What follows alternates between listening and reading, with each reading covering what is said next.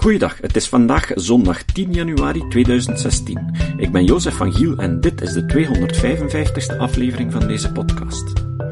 Ik wens al onze luisteraars een rationeel nieuw jaar. Vandaag horen jullie een kritische blik op een klimaatdebat.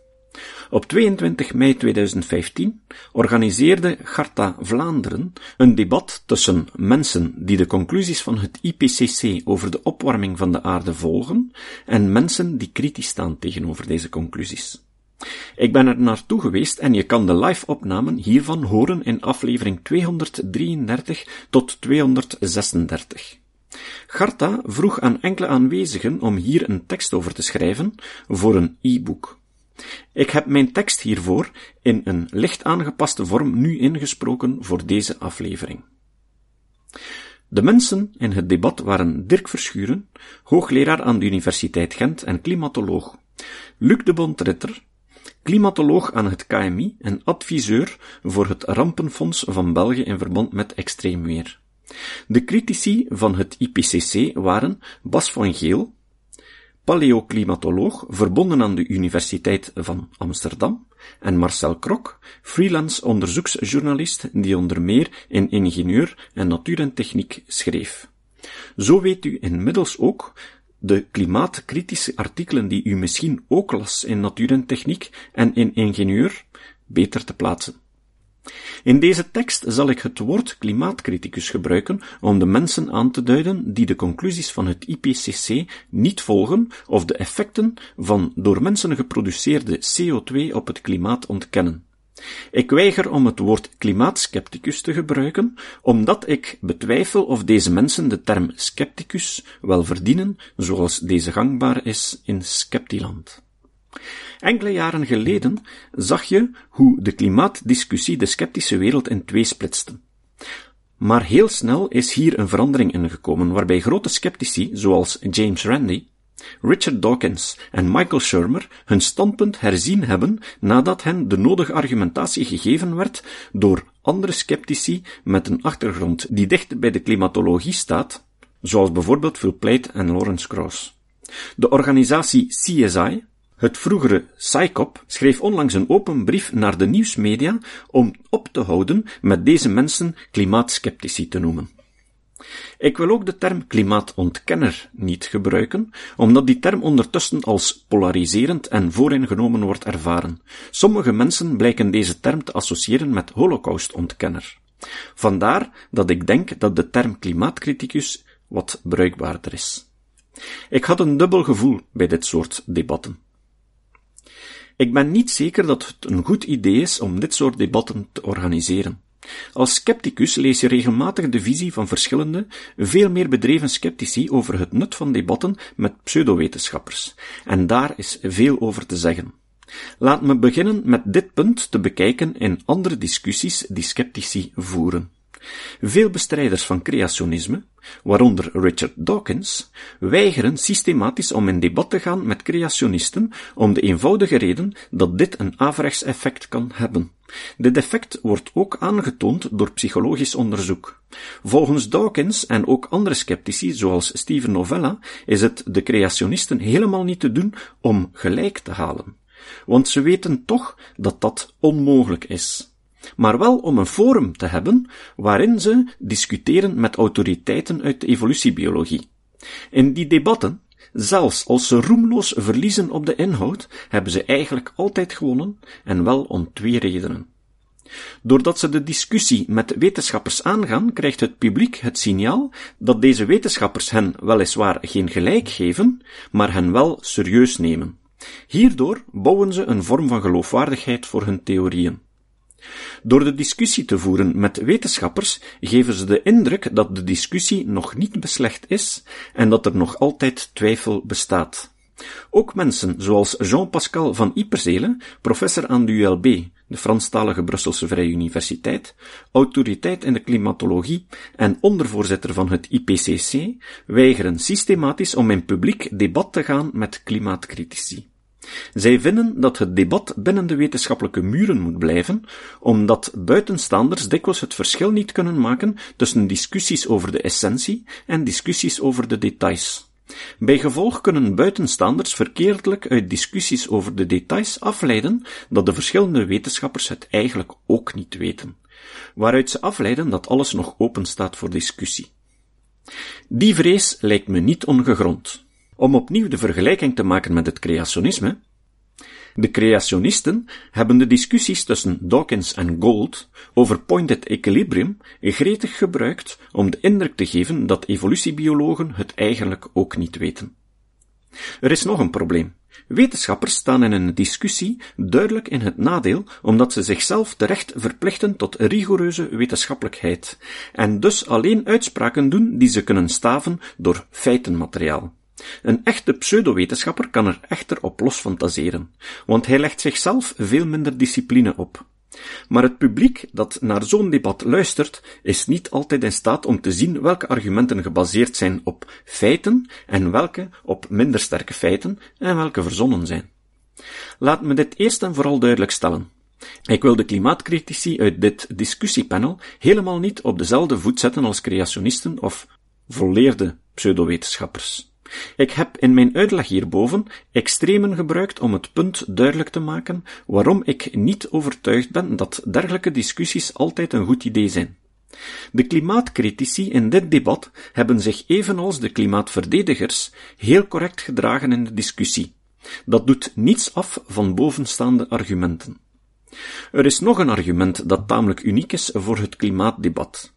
De problematiek is vrij complex en je hebt nogal wat kennis van de fysica, chemie, geologie, de werking van computersimulaties en nog enkele disciplines nodig om de problematiek te begrijpen. Ik heb daar zelf ook vrij lang over gedaan. Dat is iets dat niet kan gezegd worden van het creationisme of van een pseudowetenschap als homeopathie.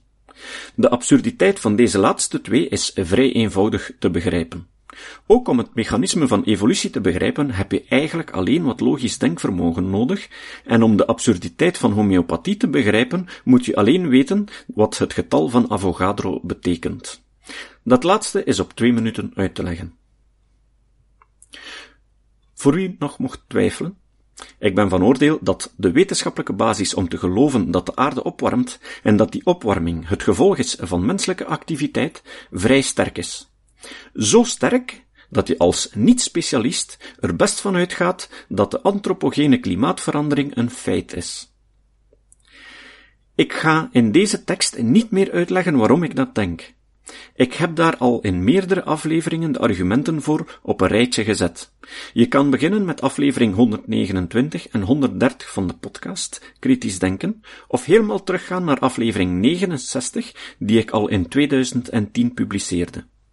Ik ga hier ook niet alle details van het debat samenvatten, want het volledige debat kan u opnieuw beluisteren in de afleveringen 233 tot 236 van Kritisch Denken.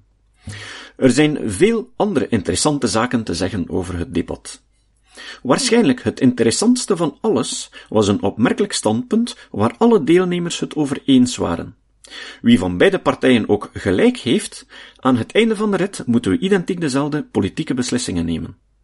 Dat wil zeggen, de verbranding van fossiele brandstoffen stopzetten. En liefst zo snel mogelijk. Bas van Geel, een van de klimaatcritici, gaf dit duidelijk aan als conclusie van zijn betoog. Er zijn tal van argumenten buiten de klimaatverandering die de urgentie van deze maatregel vereisen, zoals de verzuring van de zeeën en de milieu-impact van de ontginning van deze grondstoffen. Dat lijkt me zo'n opmerkelijke conclusie, want het plaatst een fundamentele vraag centraal. Waarom moet deze discussie nog zo levendig gevoerd worden in een publiek forum, als aan het einde van de rit de politieke besluiten dezelfde zijn? Dat als die echt bestaat, ook in dat geval de discussie zeker binnen de wetenschappelijke wereld gevoerd moet worden, staat buiten kijf. Het blijft hoe dan ook belangrijk om deze problematiek beter te begrijpen. Dat punt op zich brengt me ook onmiddellijk naar een andere eigenaardige kronkel die ik bij klimaatcritici tegenkom. Sommigen onder hen beweren dat de klimaatveranderingshypothese door klimatologen voortdurend op de agenda geplaatst wordt, omdat ze op die manier meer subsidies bij politici proberen te verkrijgen. Maar als de politiek niet beïnvloed wordt door de discussie of klimaatopwarming een feit is of niet, omdat het al door veel andere argumenten in dezelfde richting geduwd wordt, dan zie ik niet in waarom deze bewering zou moeten bijdragen tot extra subsidies om meer te weten te komen, want er zijn al meer dan voldoende andere argumenten voor politici om een CO2-neutrale politiek te voeren. Maar er is nog een ander argument dat de subsidiehypothese eronderuit haalt. Klimatologen zijn waarschijnlijk zonder uitzondering mensen met een zeer hoog niveau aan kennis en kunde van de wiskunde, fysica en chemie. Met hun niveau van kennis zouden ze met twee vingers in de neus verschillende plaatsen kunnen invullen van jobs die al minstens twintig jaar over bijna gans de wereld knelpenberoepen zijn, zoals ingenieurs en informatici. Bovendien zouden ze in die jobs waarschijnlijk hogere inkomens kunnen halen dan in hun academische benoeming. Dit punt is extra interessant, omdat deze bewering er impliciet van uitgaat dat mensen per definitie gedreven worden door geld. Maar een hoop wetenschappelijk onderzoek toont aan dat geld bijna nooit een drijfveer is. Zie onder andere aflevering 89 van Kritisch Denken. En een aflevering die nog moet komen over motivatie. Dat verklaart ook waarom zoveel mensen met de capaciteiten van een klimatoloog toch beslissen om geen duurbetaalde directiefuncties in bedrijven te ambiëren. Ook Marcel Krok was van oordeel dat CO2 wel degelijk het klimaat beïnvloedt. Alleen, volgens hem is de gevoeligheid van het klimaat op de CO2-uitstoot drie keer lager dan wat de IPCC-klimatologen in hun model steken. Zijn conclusie in verband met het klimaat is dus dat we inderdaad van die fossiele brandstoffen af moeten, maar dat we meer tijd hebben dan wat het IPCC beweert. Mijn standpunt is dat, wat de tijd ook is die we hebben, er geen reden is om de zaak uit te stellen en we ook niet aan paniekvoetbal moeten doen. Met andere woorden, de inertie van politici indachtig het lijkt me wijs om hen hoe dan ook zoveel mogelijk onder druk te zetten om een klimaatvriendelijk beleid te voeren. Ik denk zelfs dat een doordachte strategie in die zin de economie kan aanzwengelen, zoals ik in mijn brief aan Herman van Rompuy in 2010 betoogde. De vier panelleden hebben bij de start elk hun standpunt verdedigd. Luc de Bondridder concentreerde zich vooral op de vraag wat de gevolgen van de klimaatverandering zouden zijn voor België en bij uitbreiding de lage landen. Na een uitgebreide uitleg dat de wereldwijde modellen niet fijnmazig genoeg zijn en ze daarom bij het KMI hun eigen onderzoek moeten doen, kwam hij uit dat België tegen 2050 met 2 graden zou opwarmen, wat veel meer is dan het aardse gemiddelde. Bas van Geel verdedigde het standpunt dat de opwarming van de aarde het gevolg is van de zonneactiviteit. Hiervoor toonde hij naast ander materiaal één centrale dia met grafieken van de temperatuursevolutie door de tijd. Achteraf merkte Dirk Verschuren fijntjes op dat de grafieken die hij toonde enkel het noordelijk halfrond betrof. Dirk Verschuren zelf toonde dan weer de wereldwijde grafieken, waarmee hij aantoonde dat de aarde wel degelijk aan het opwarmen is. Hij legde ook uit hoe processen zoals El Niño en La Niña, dat zijn periodiek terugkerende storingen in de zeestromingen en zeetemperatuur van de grote oceaan, die het klimaat tijdelijk verstoren, tot zelfs in Europa, en vulkaanuitbarstingen het klimaat tijdelijk verstoren, en hier dus rekening moet mee gehouden worden, als meting geïnterpreteerd worden. Ten slotte kwam Marcel de Krok die argumenteerde dat de klimaatmodellen onbetrouwbaar zijn omdat ze uitgaan van een temperatuursgevoeligheid onder invloed van de CO2 die drie keer te groot is. Na het debat heeft Garta nog ronde tafelgesprekken georganiseerd. Die gingen door in het café van het complex waar aan twee ronde tafels telkens twee van de panelleden zaten. Telkens één van elke kant.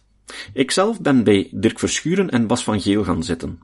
Ik vroeg aan Dirk Verschuren hoe het nu zat met die bewering van Marcel Krok over temperatuursgevoeligheid van de aarde onder invloed van de CO2.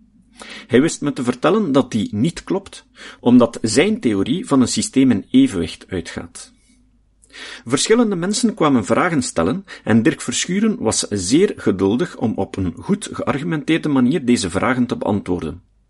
Maar op een bepaald ogenblik kwam een klimaatcriticus, die hierover een website bijhoudt, langs en bestookte Verschuren met de ene vraag na de andere zonder hem de tijd te geven om op elk van die vragen te antwoorden.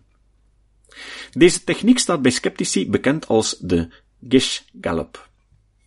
De term werd aanvankelijk bedacht door Eugenie Scott van het NCSE, National Center for Science Education, een organisatie die leraren steunt om de evolutietheorie te onderwijzen in de Amerikaanse scholen. En genoemd naar creationist Duane Gish. Het idee achter de techniek is, door zoveel mogelijk vragen te lanceren, zonder op het antwoord te wachten, aan het publiek verkeerdelijk de indruk te geven dat er nog veel vragen bestaan waarop de tegenpartij geen antwoord heeft. Toen ik de man stopte en vroeg om bij elke vraag die hij stelde op het antwoord te wachten vooraleer een volgende vraag te stellen, keerde hij zich naar mij met de vraag of ik de waarheid misschien niet aan kan. Nee. De bedoeling van mijn interventie was net om de waarheid wel te achterhalen. Die verkrijg je beter via een dialoog dan via een Gish-Gallup. Weer al een vergelijking met de creationisten. Aan het einde van het tafelgesprek met Verschuren en Van Geel parafraseerde ik nog even de stelling van Bascheel, dat volgens hem de temperatuursverandering bijna volledig aan de zonneactiviteit te wijten zijn. Na hun bevestiging merkte ik aan beide heren op dat dit een falsificeerbare uitspraak is. Omdat de zonneactiviteit cyclisch is. Dat betekent dat over enkele jaren de zonneactiviteit weer zal wijzigen. Als Van Geel gelijk heeft, zou het klimaat deze cyclus ook moeten volgen. Indien Verschuren gelijk heeft, zou het klimaat binnen enkele jaren verder moeten verlopen zoals voorspeld door het IPCC. Dit betekent dat op dat moment één van beiden duidelijk ongelijk zal hebben.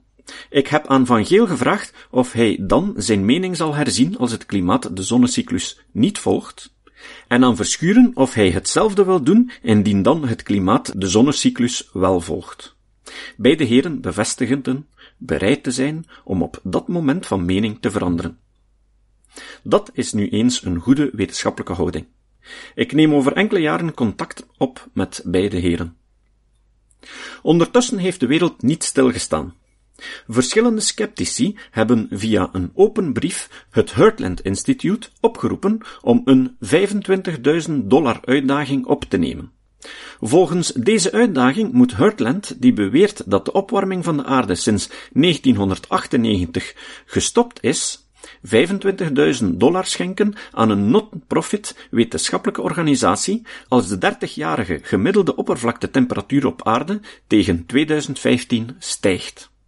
Heartland is in Amerika de belangrijkste lobbygroep tegen het standpunt van het IPCC. Het is een organisatie dat zeer rijke fondsen kan krijgen van onder andere enkele belangrijke oliemaatschappijen die in het verleden ook al probeerden de schade van tabak te minimaliseren. Ondertussen heeft de Belgische overheid de taxshift gestemd en hier opnieuw een kans laten liggen om de uitstoot van CO2 te ontmoedigen.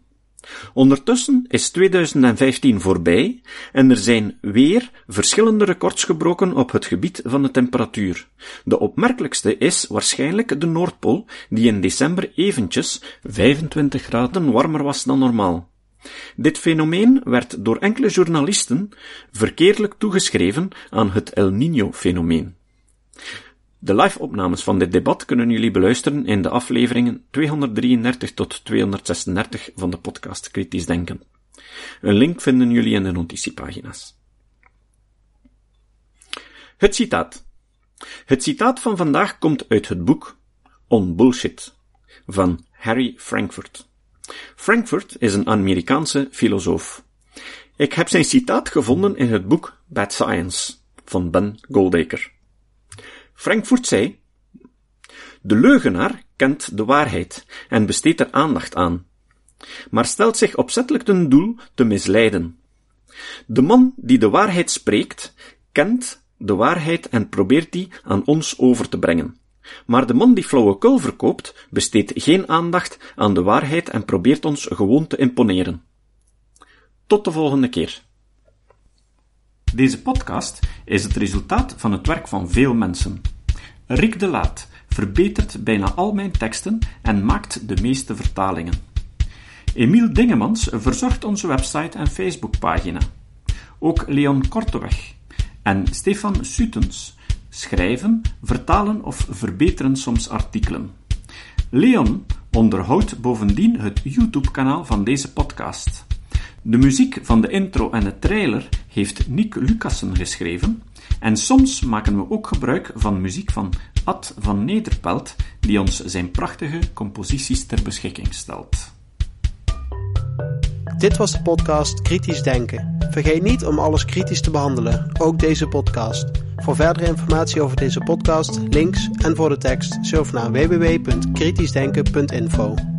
Als je deze podcast belangrijk vindt, kun je me steunen door anderen warm te maken ook eens te luisteren.